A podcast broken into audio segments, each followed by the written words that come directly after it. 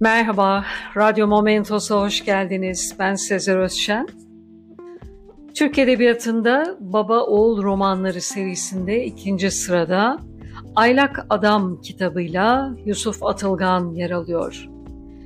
Yazar ve öğretmen Yusuf Atılgan 1921'de Manisa'da doğdu. Necati Bey İlköğretim Okulu ve Balıkesir Lisesi'nden mezun olduktan sonra İstanbul'a giderek İstanbul Üniversitesi Edebiyat Fakültesi Türk Dili ve Edebiyatı bölümüne kaydoldu.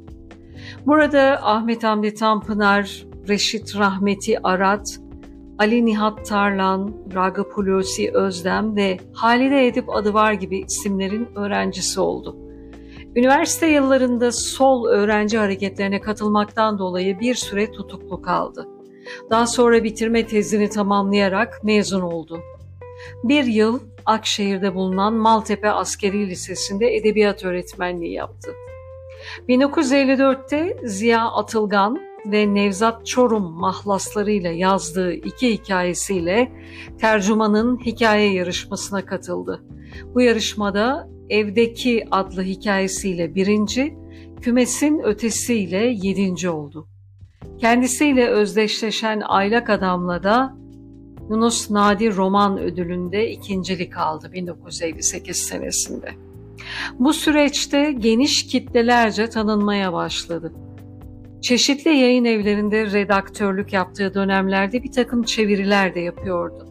1987 yılında Anayurt Oteli'nin Ömer Kavur tarafından sinemaya aktarılması daha çok tanınmasını sağladı.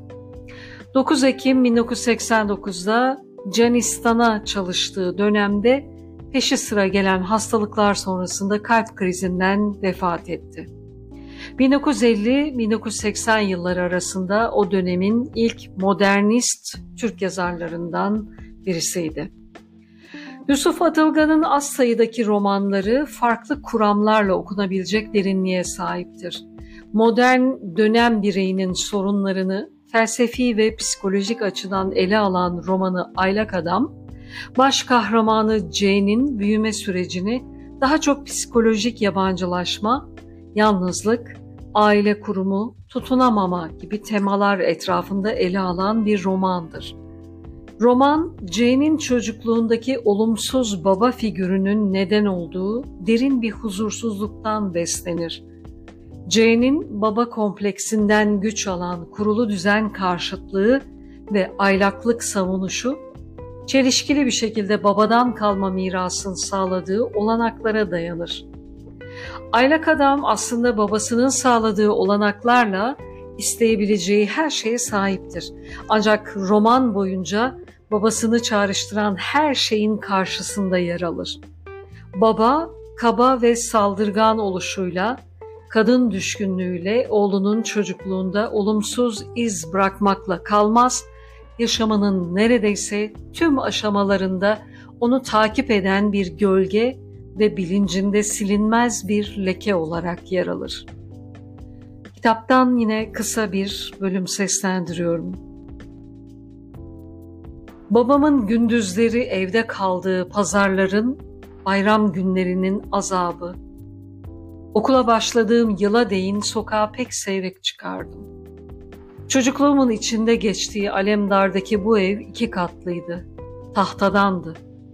Babam ölünce sattım.